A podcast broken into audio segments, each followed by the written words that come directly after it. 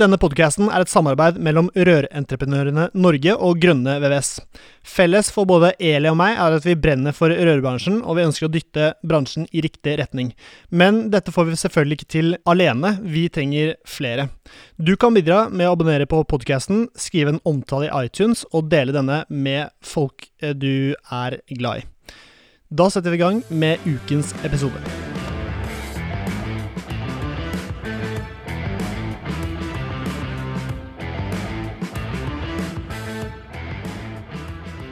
Hei, hei, og hjertelig velkommen til en ny episode, en ny episode av Varerør med Eli Hermine Heidal Eide fra Rør-Norge og Serin Poppmiddag fra Grønne VVS.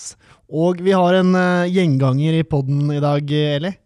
Ja, dette er faktisk en som jeg hørte noen rykter om at uh, hadde vært på en konferanse. Og så var det en som hadde sagt uh, Å, er det deg? Men du er jo kjendis. Fordi fordi han hadde vært på podkasten. Ja, okay, nettopp. Så Torkil Korsnes, styreleder i Rør-Norge, og mm, er du direktør, Torkil? I K-Lund i Trondheim? Ja. Velkommen til oss. Ja, Hjertelig velkommen skal du være. Takk.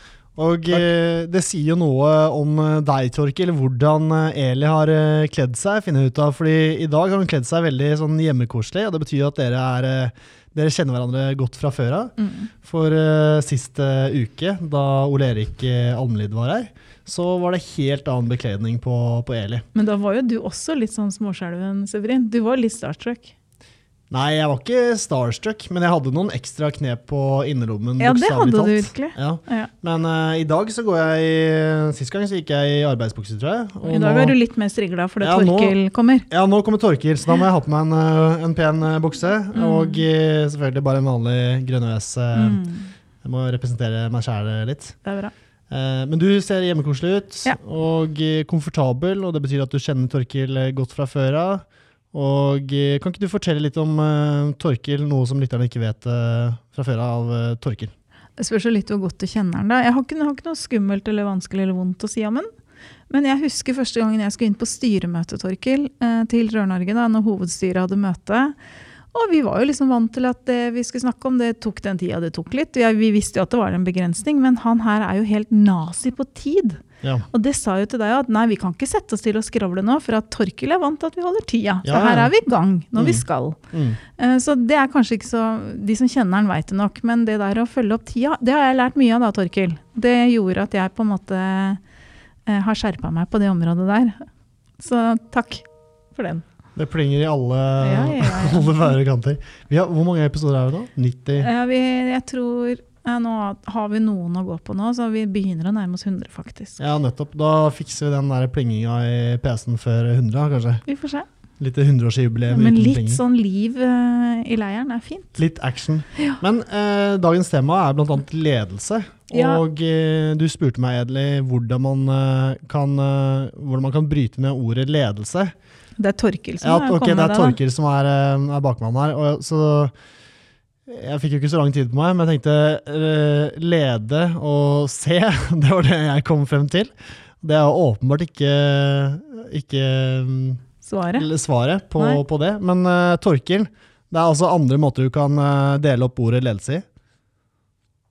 Jeg deler det i le, del, se. Ja. Og for å få fram at ledelse er ganske mangslungent, og jo flere mennesker, jo mer variert blir jo lederoppgavene. Um, men jeg tror det er viktig å ha det mye moro, så le. Mm. Så det er viktig å være åpen og informere, så del. Og så må du se folkene dine på mange plan, uh, og derfor se. Så le, del, se. Ja. Det syns jeg kan være viktig. Så må jeg si det, eller når du tar det der klokka, jeg, jeg, vet jo at det der blir uh, For det første, jeg synes jo det er viktig at man er, uh, kommer når man skal, og at man forholder seg til den tida som er avsatt. fordi hvis man går over tida, så tar man gjerne andre sin tid. Og det går ikke. Samtidig så er det jo litt sånn med kanskje hos alle at man, man spiller jo litt på de rollene man får etter hvert blir tildelt. Sånn at jeg, både jeg og andre kanskje overdriver det litt. For å ja, Bare poengtere at det er Ikke harselere med det, men spøke litt med det. da. Men det var en god måte å lede meg på, da. Eh, så det syns mm. jeg var kjempefint, Det er for det å være tydelig. Men utgangspunktet Du delte det? En forventningsavklaring? Ja, ja, det er bra. Og det er også viktig som leder, å avklare hva er forventningen. Ja. Ja, For det er liksom litt av innledningen her, og det gjenspeiler jo litt av det vi har snakka om i det siste, Severin. Mm. eh, med Even og flere av de andre vi har snakka med. Torkil fra Assemblyen.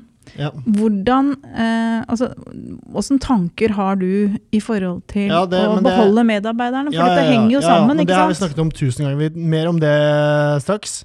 Men øh, når vi først er inne på tid, eh, siden Torkil er såpass opptatt av tid, kan ikke du snakke litt mer om hvorfor eh, tiden er så viktig, og hvordan du eh, Har du en kalender som Du har jo selvfølgelig en kalender, men, eh, men hvorfor tiden er så viktig i løpet av en eh, arbeidshverdag? Og det er mange som hører på som er eh, bedriftsledere, og eh, hvordan de kanskje kan Har noen tips som gjør arbeidsdagen mer, mer effektiv, og noen helt sånne klare key keypoints eller key whatever for å få en arbeidsdag mer effektiv?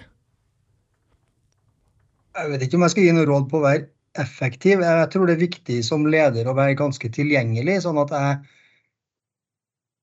jeg er tilhenger av at jeg som leder beholder kontrollen over min egen kalender. Så Det er jeg som bestemmer hva jeg skal bruke tid på, øh, eller ikke bruke tid på. Sånn at øh, folk øh, kan få tak i meg, og jeg, ikke springer liksom fra det ene til det andre. Jeg har selvfølgelig en del fravær, jeg òg, men, men da er det viktig å være tilgjengelig, da. Eh, og det, det med Hvis du går tilbake til det med klokka altså det, hvis, hvis jeg skal møte dere klokka fire, da, men ikke dukker opp ved kvart over, så har jeg på mange måter tatt fra hver av dere et kvarter uten å spørre. Mm. Uh, og det syns jeg er frekt uh, mot dere. Det er dårlig gjort. Mm. For det kvarteret kunne dere sikkert brukt til noe bedre enn å vente på meg. Mm. Uh, og likedan hvis vi har avtalt å være ferdig klokka fem, så, så kan det være alt fra at da ønsker folk ønsker ikke å bruke noe mer tid på det spørsmålet, eller de skal rekke et fly. altså Tusen ting, men har vi gjort et, jeg er opptatt av en avtale er en avtale, og, det, og avtaler er også tid. eh, Tidsavtaler er også avtaler. Mm. Så, E- Eli sa at eh, du, Torkil, er veldig eh, på det med tid. Hvordan, hvordan får du, Torkil, formidlet til Eli at eh, tiden din den er jækla viktig?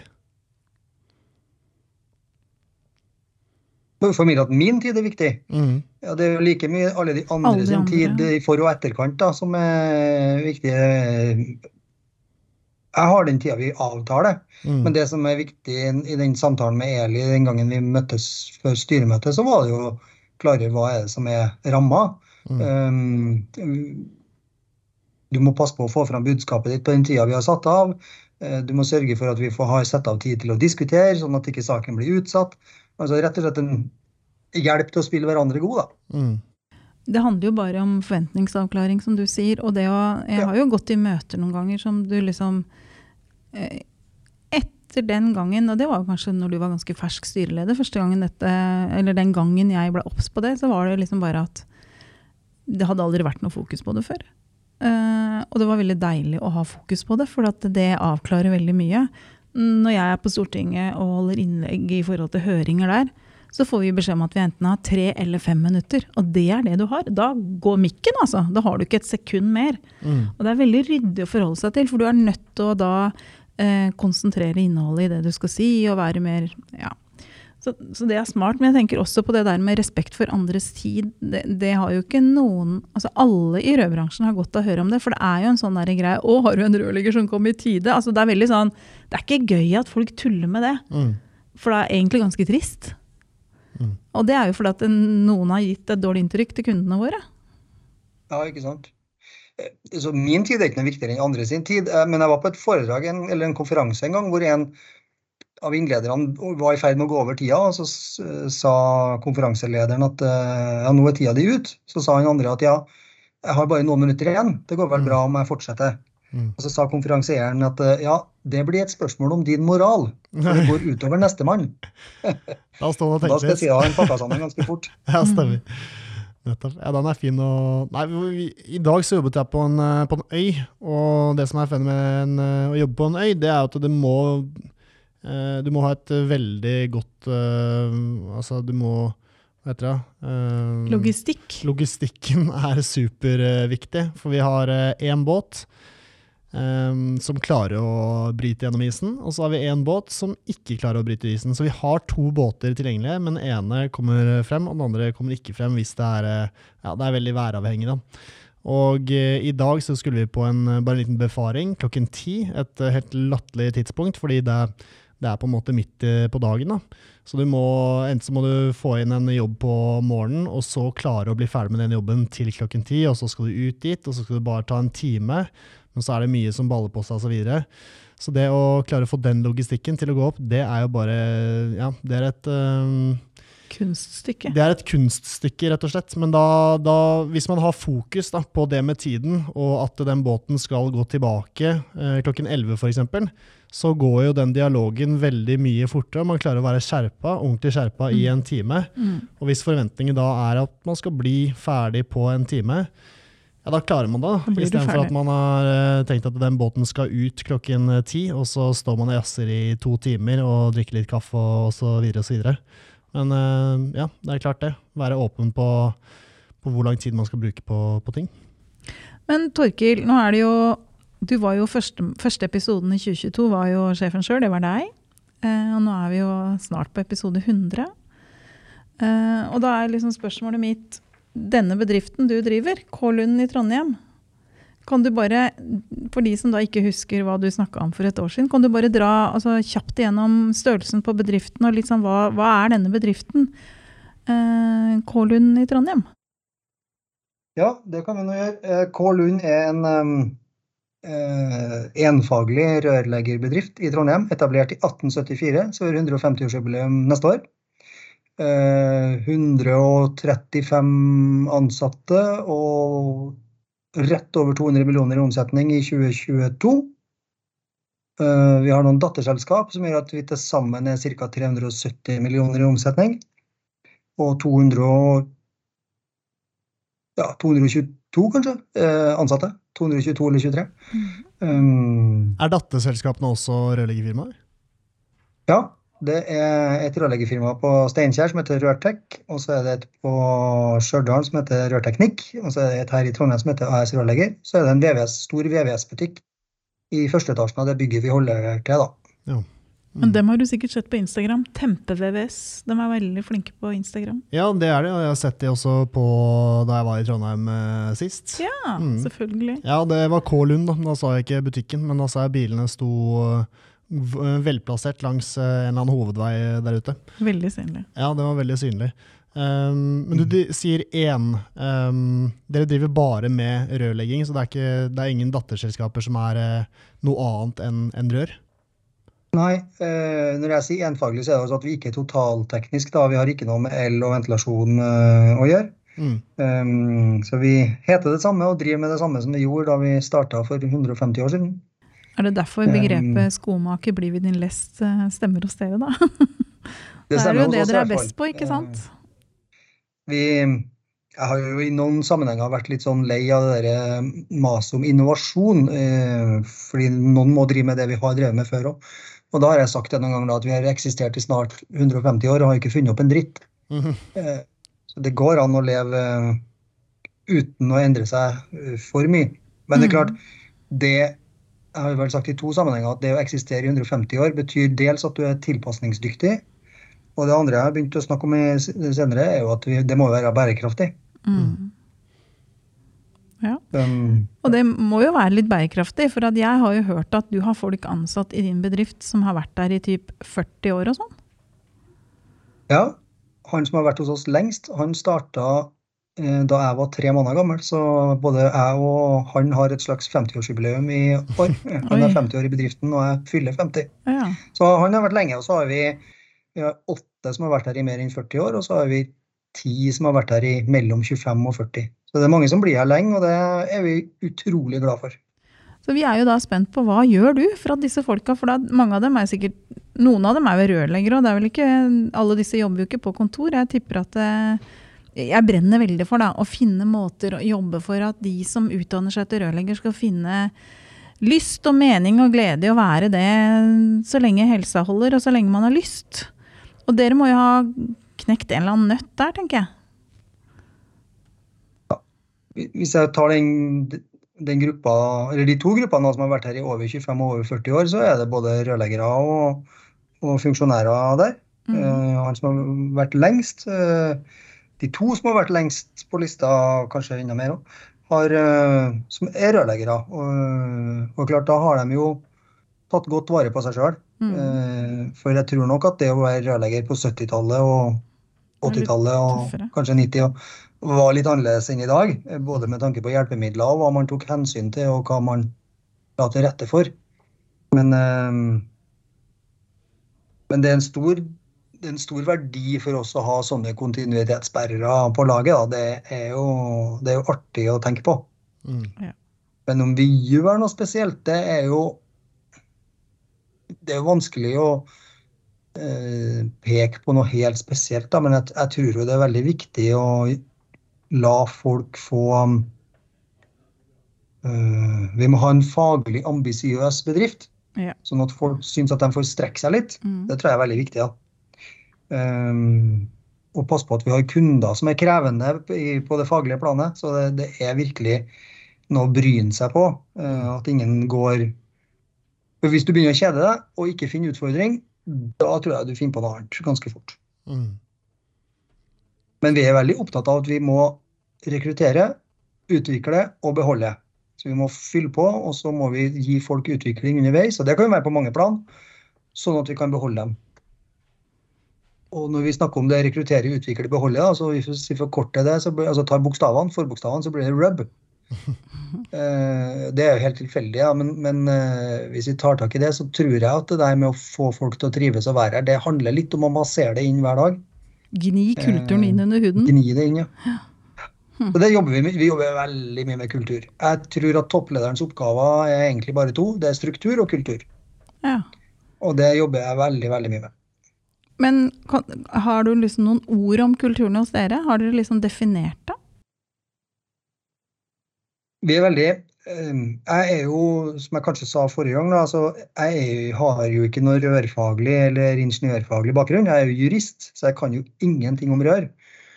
Og i og med at jeg ikke kan lede etter noe faglig spor, så må jeg da lede etter et annet spor.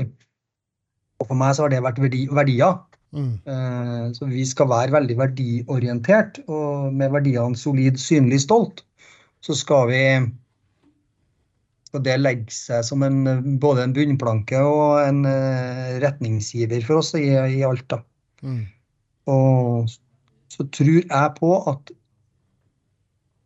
prestasjon er lik eh, potensial minus forstyrrelse. Sånn at eh, hvis du tenker deg en skiskytter, da.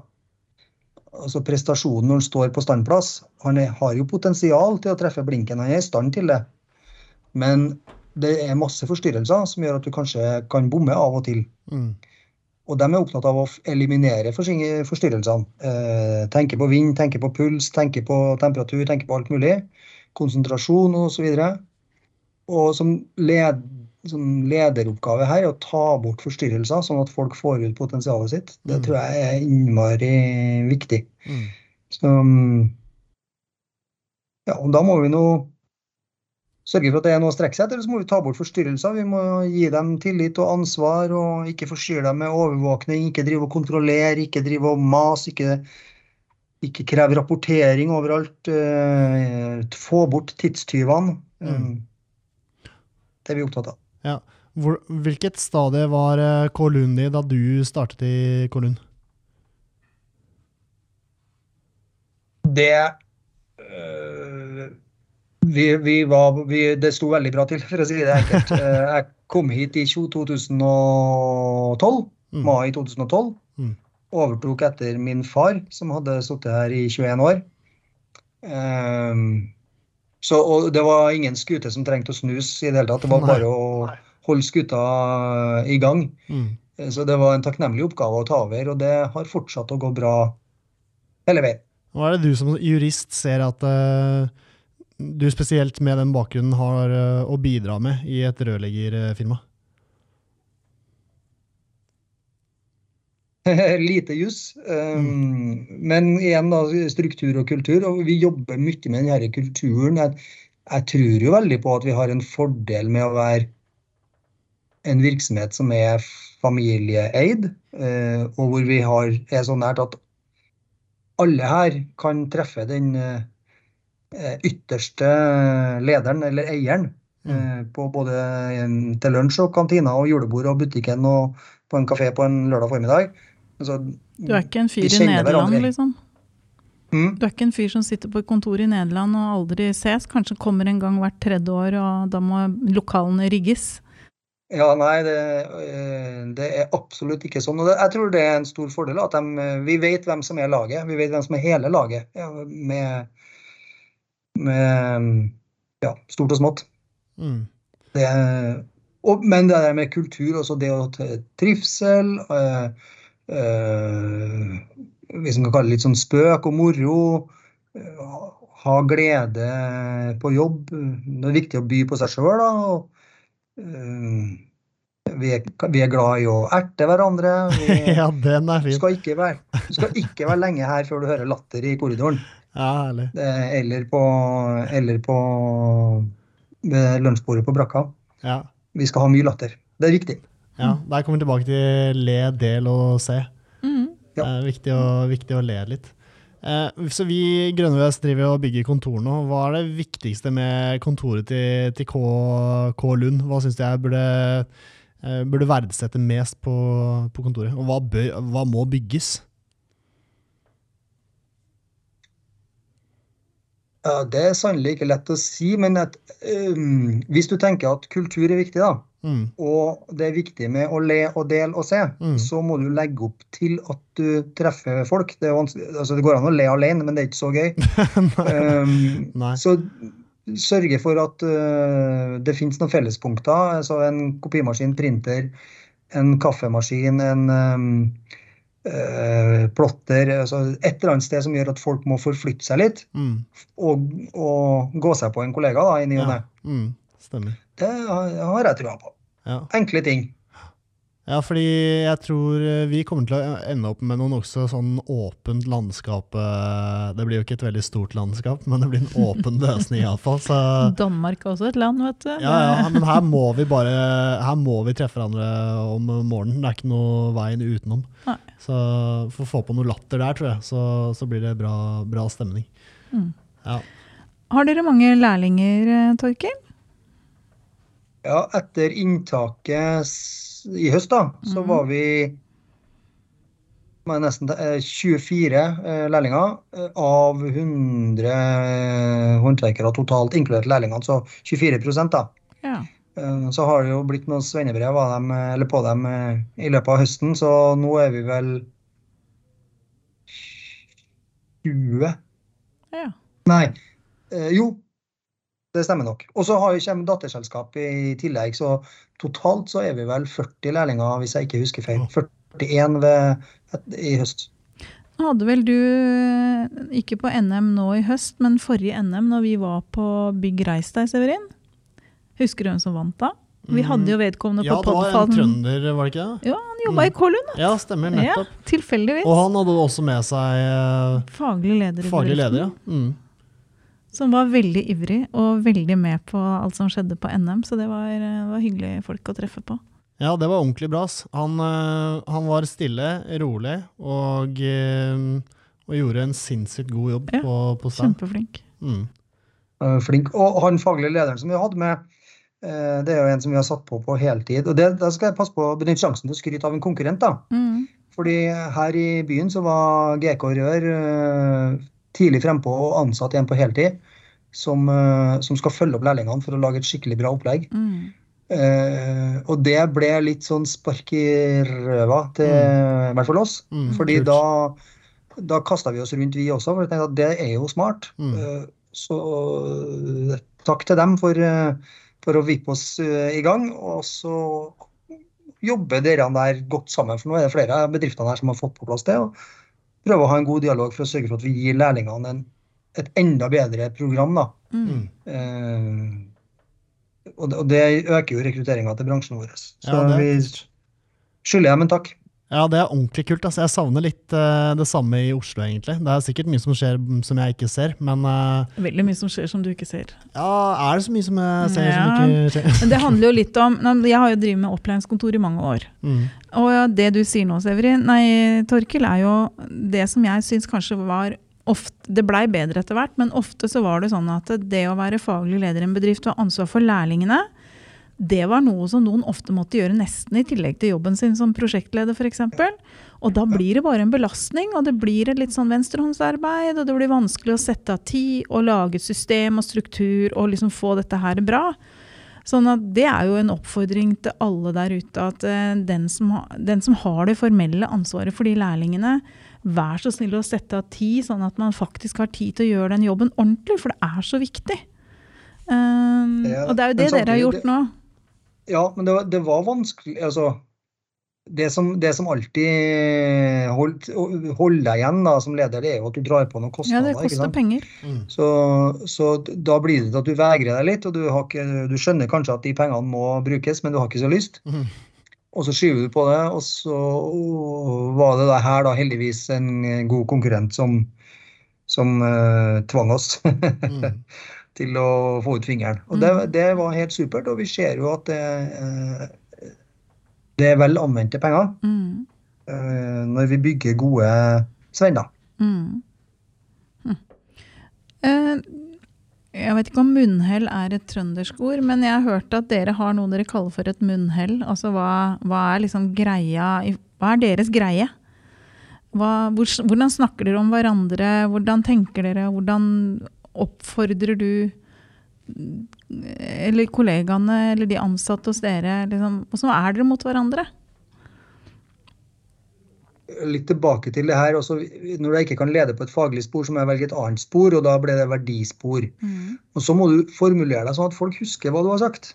Mm. Og Hvis du kommer med en lang utlegning, så gidder de å, Kanskje de ikke gidder å høre på. I hvert fall så er det vanskelig å huske det. Mm. Så vi prøver å ha sånne korte, rappe setninger hvor vi sier at uh, vi skal være en del av løsningen, ikke en del av problemet. Mm. Så hvis du kommer ut i en eller annen problemstilling, så tenker du OK, hvordan skal jeg angripe det her? Jeg jobber i Og da husker de kanskje det ordet. Mm, da skal jeg løse det. mm. Og så sier vi at uh, hvis du ikke vet hvor du vil, så kan du havne hvor som helst. Altså, vi må ha en plan. Mm. Uh, så sier vi det er ingen fare å stå fast hvis du står fast ved verdiene dine. Um, og vi kan si at um,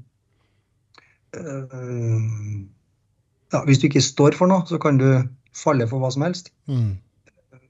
Vi, vi, vi, prøver å formulere oss med litt sånn korte, enkle, lett å huske. Mm.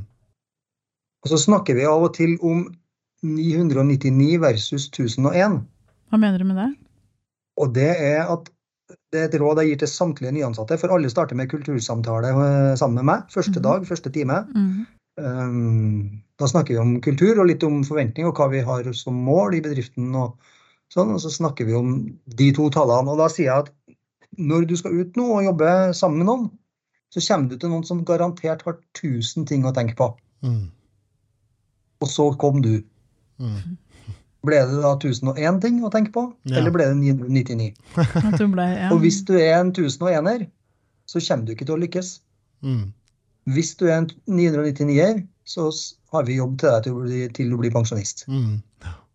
Uh, og det er også sånn, et bilde som folk kan klare å huske. Mm. Ja, den var fin. Um, det er mange lærlinger som um, det ikke, Hvis det ikke er voksenlærlinger, så er det i, i ung alder. Og de vet ofte ikke hvor de, hvor de skal. Det er kanskje militær eller noen folkehøyskole eller andre andre valg de står overfor. De har ikke fått et friår, kanskje, så de vil kanskje ha det, osv. osv. Er det noen tips dere har gitt til dem om å finne den, uh, den veien og legge noen planer for, uh, for, dem? Eller står de litt åpent til å gjøre hva de, hva de vil? Når vi tar dem inn, så er det fordi vi har trua på at de blir uh, At de er riktig mennesketype, og at de kan bli flinke, og at de kan være her sånn ja, til han blir pensjonist. Mm. Det er mm. det vi ønsker. Mm. Men vi, vi, vet jo av og til at uh, her er det sannsynlig at det kommer til å dukke opp en eller annen plan. Kanskje mm. har de en tilknytning til et annet sted av landet, så vi må regne med at de flytter. Mm. Kanskje har de tilknytning til en annen bedrift, så vi må regne med at de går dit etter hvert. Mm. Eh, kanskje signalisere dem at de er litt usikre på hvor de vil, men da får vi nå bare ha dem så lenge vi kan. Ja. Mm. Um, og så sier vi til dem at når de starter da, den første kultursamtalen, så sier jeg at jeg håper du tenk, har en ambisjon om at den dagen du slutter, så skal du tenke at K. Lund hadde ikke vært det samme uten meg. Mm. For da øh, Og det sa jeg til en som slutta her forleden dag, at det har du oppfylt. Fordi Mm, på spesielt ett punkt så har du tilført oss noe som kommer til å stå igjen. Mm. Så det takker jeg for. Ja. Hvor lenge er de kultursamtalene dine? Tre uker Nei da. Nei, eh, det tar vel kanskje en halvannen time eller noe sånt. Ja, det er såpass, ja. Kan vi Ja. dypdykke litt eh, inn i hvordan de ser ut? Dypdykke litt på overflaten? Dypdykke på overflaten. Ja, hva skal en si om det? Vi snakker mye av det vi prater om her, egentlig. Eh, Mm. Litt om hva, vi vil være, hva vi vil at medarbeideren skal være. At vi vil at de skal Særlig det med å ta beslutning. Altså ikke drive og spørre om lov. Mm. Eh, For det, det forstyrrer din framdrift, og det forstyrrer noen andre, og det forstyrrer kanskje noen tredje. Mm. Altså, ta en beslutning, og så skal vi heller si fra hvis det var feil. Mm. Vi snakker om øh, eh, historie, vi snakker om oppdragstyper, vi snakker om kundene våre, vi snakker om framferd, vi snakker om viktigheten av å uh, ivareta merkevaren. Det er jo en merkevare når du har 150 år i byen, og, og logoen er ganske kjent. da. Ja. Uh, Så er, da er det ikke likegyldig om du sniker bilen over på gult, eller om du stopper pent, eh, om du stopper for en fotgjenger ved Mm. fotgjengerfeltet osv. Altså, Den samtalen tror jeg kanskje sånt. flere burde fått. Mm. Det er mange firmabilsjåfører der ute som Ja. kanskje ikke tenker så mye over at det står en firmabillogo på bilen. ja, det er derfor vi ikke har noe logo på. vi pleier å si da, at hvis du kjører bortover gata på en regnværsdag, og det hender jo at det regner i Trondheim, Mm. eh, og dundrer uti en sånn søledam og plasker ned en eh, nybakt forelder med barnevogn, Mm. så blir de jo blaute og forbanna. Mm. Men hvis det står logoen vår på bilen, så husker de også hva det sto. Mm. Um, og det må vi passe på.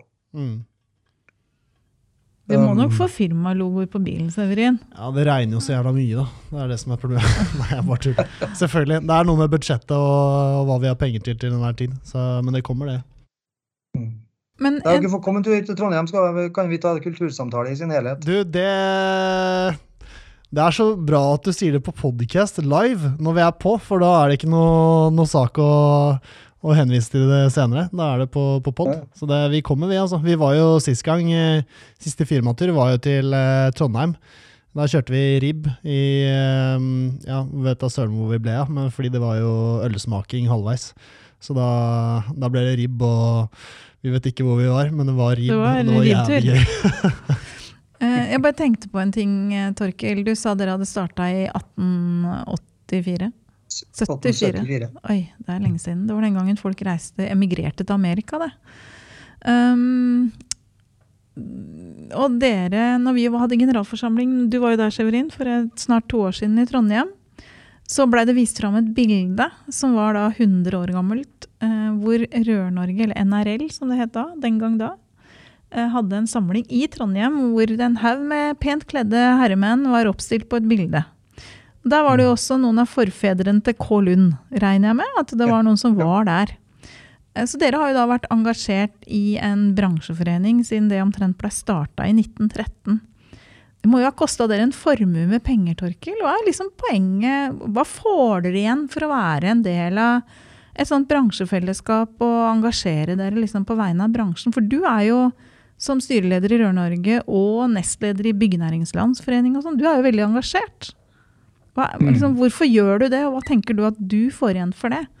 Og kan andre få igjen det samme som deg? Ja, hvis jeg skal begynne et sted der, da. På det bildet så fra, for, som var tatt for 100 år siden, så var det med han K. Lund nummer to i rekka. da, Altså sønnen til gründeren. Eh, og han var med og etablerte. Eh, han var blant dem som etablerte eh, i Norge, som da het NRL. da.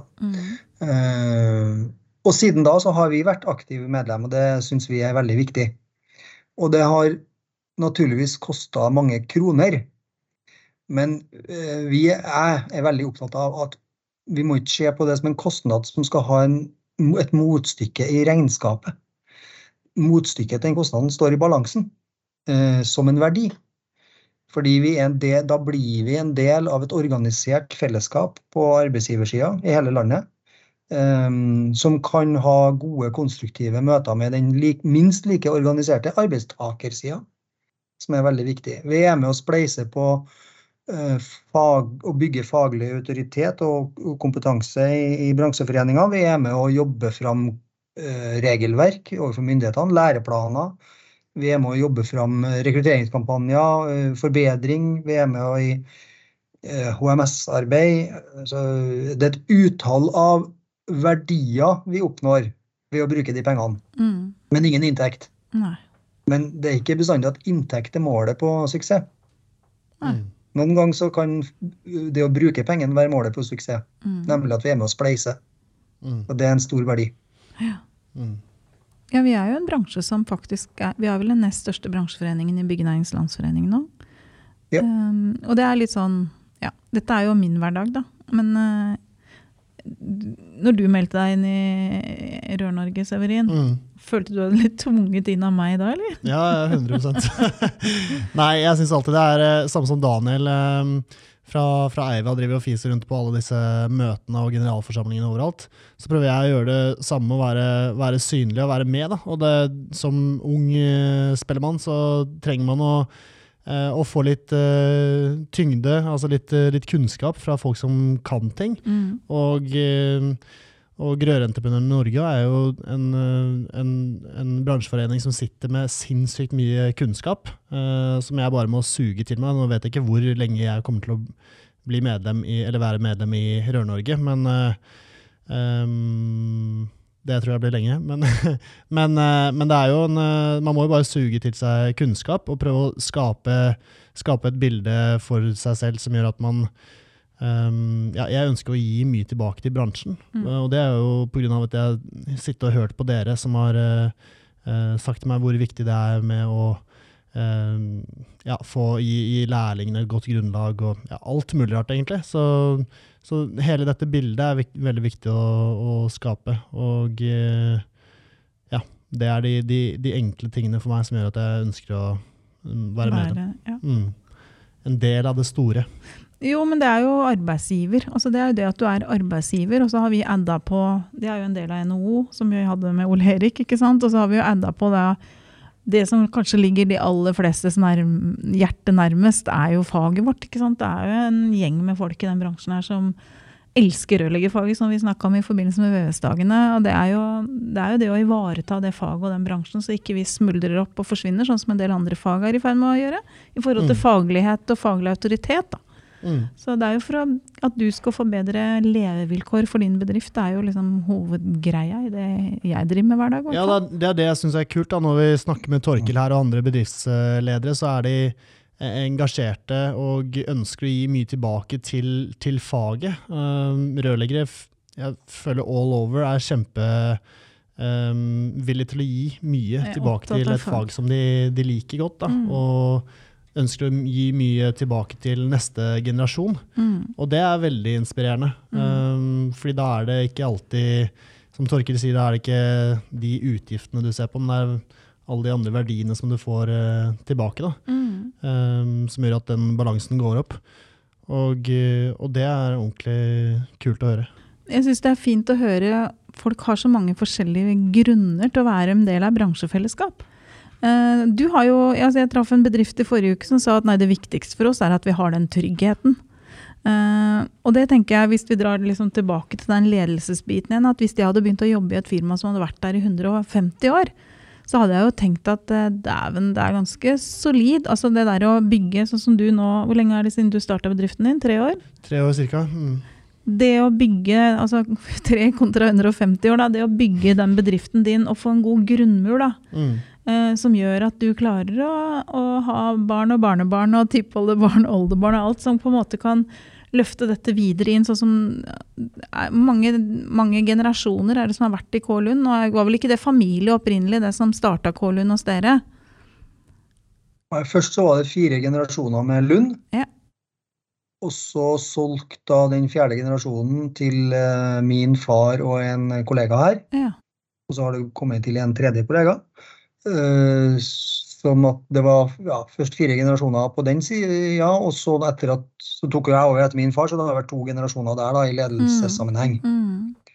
Så Da har jo folk vært har lenge, kanskje da. vært eh, vi har, Jeg tror det har vært seks eh, toppsjefer her på 150 år, så vi sitter jo i snitt ganske lenge, da. Ganske stabilt, da. Og jeg Mm. tenker sånn i forhold til deg også, Severin, når du skal bygge bedriften din, så er det jo viktig at du bygger det rundt deg som gjør at denne bedriften kan fortsette å vokse, og ikke bare være avhengig av deg, men å bygge med flinke folk og riktig kompetanse.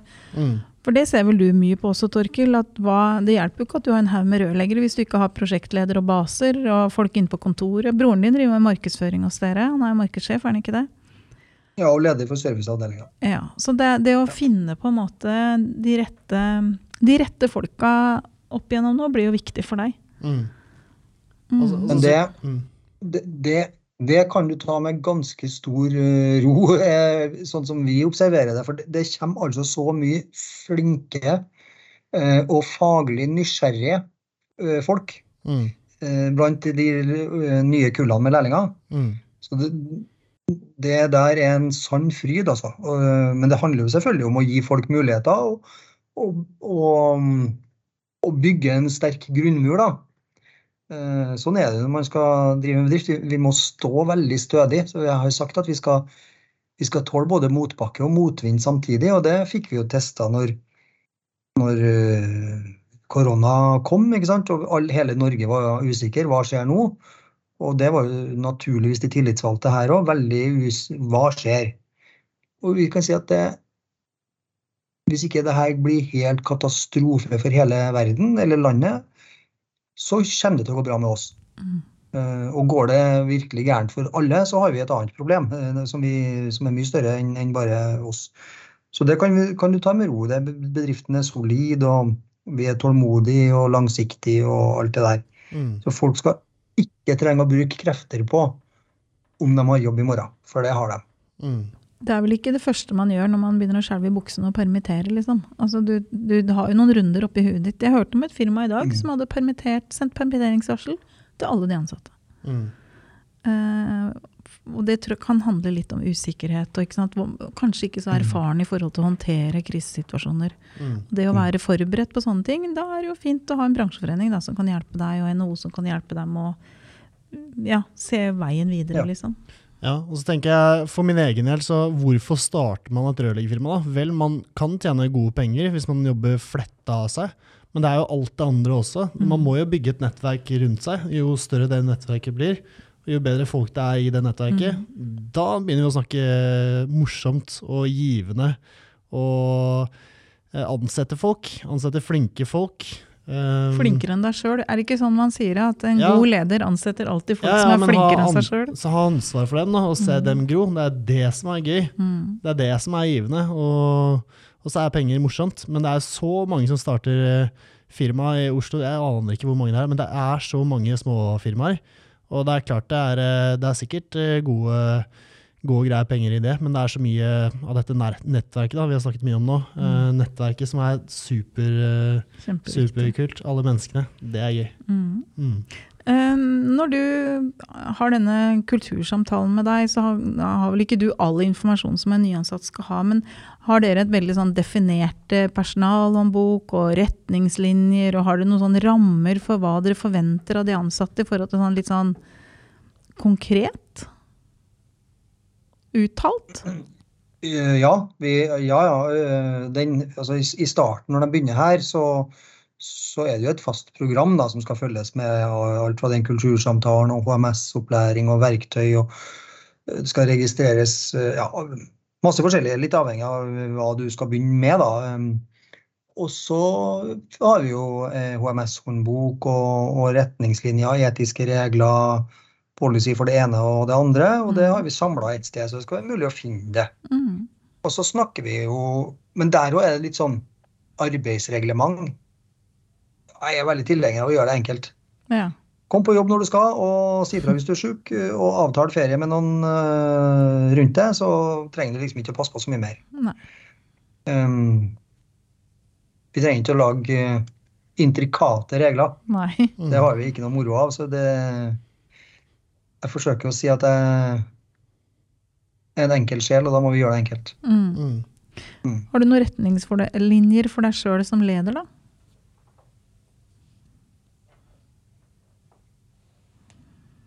Mange eh, vil nok si at jeg stiller høye krav rundt meg. Mm. Um, og det gjør jeg. Men jeg stiller veldig høye krav til meg sjøl òg. Mm. Uh, så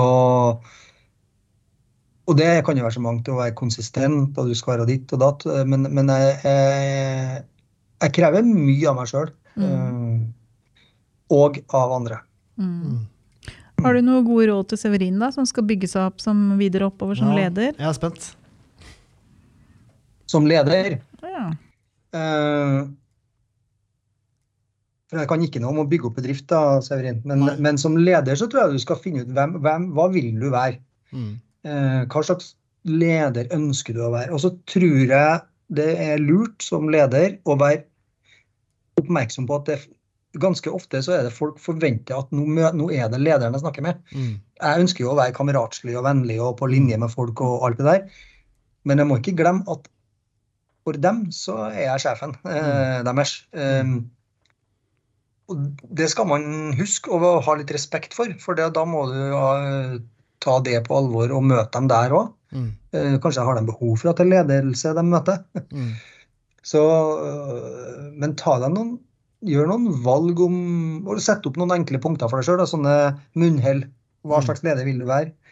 Eh, hvis du sier at du vil være inkluderende, hva mener du med det? Hva legger du i det? Mm. Eh, hvor ofte skal du inkludere? Hvordan skal du inkludere? På hvem skal du inkludere? På hvilket plan? Hvis du ønsker å være tilgjengelig, ok, hva legger du i det?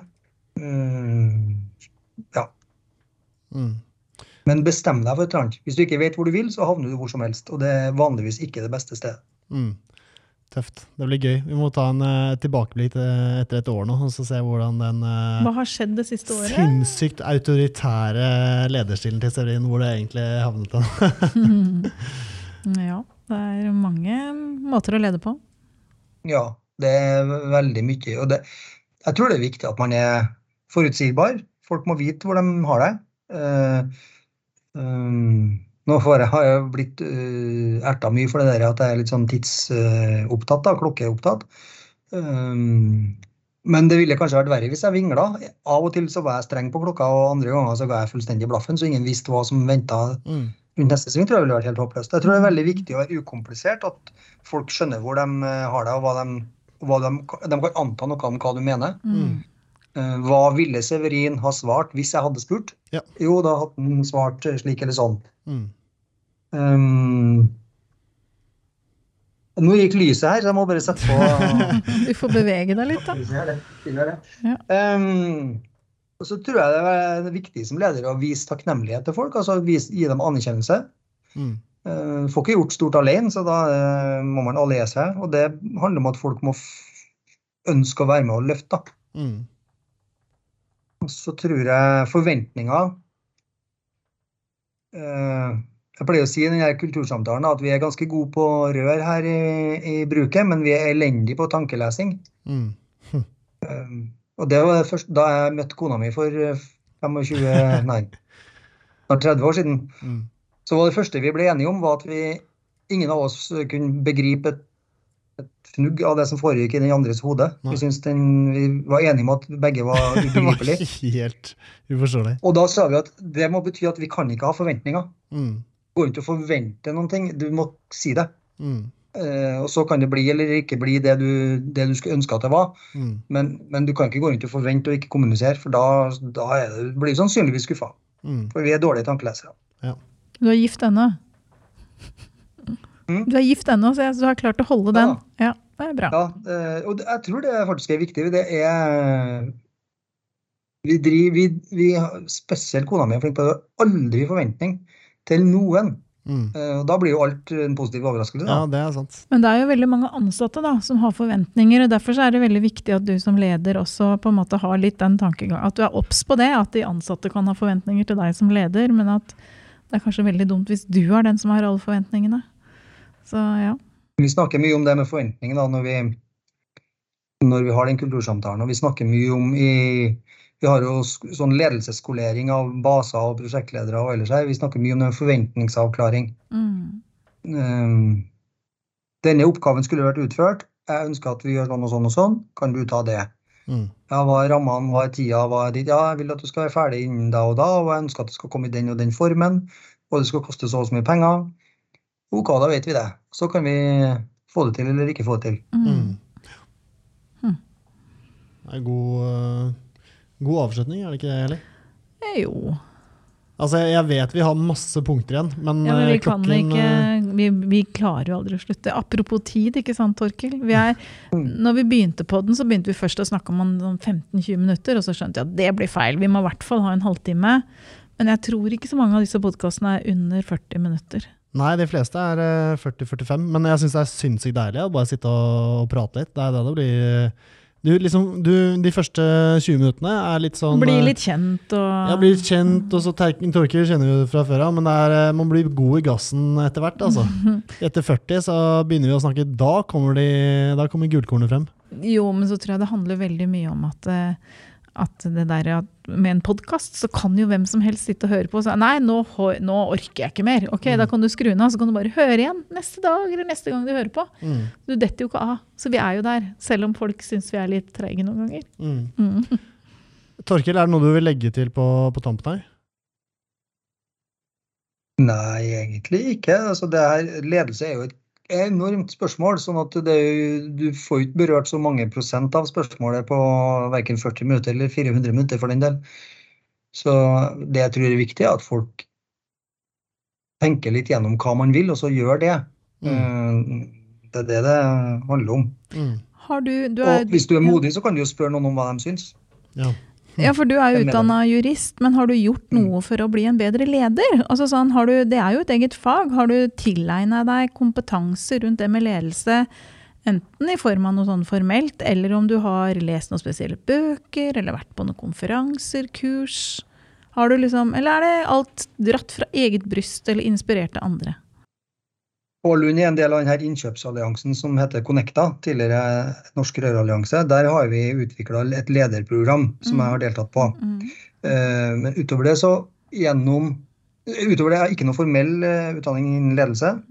Eh, Heller ikke tatt noen sånn studiepoeng ellers.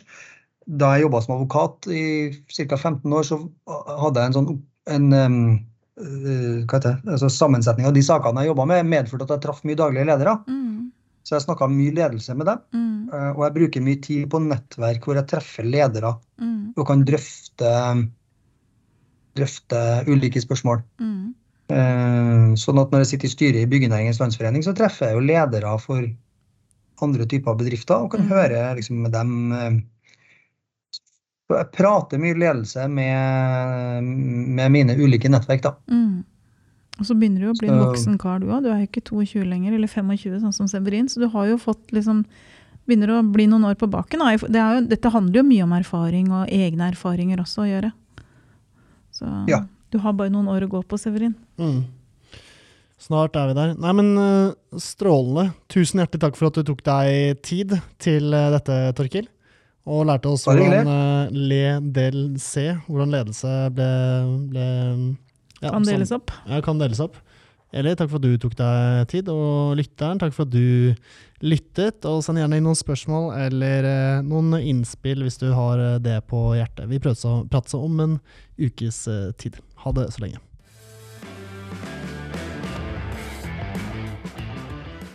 Halla, hvis du likte denne podcasten, hadde vi satt utrolig stor pris på om du abonnerte og gir oss en tilbakemelding i avspilleren.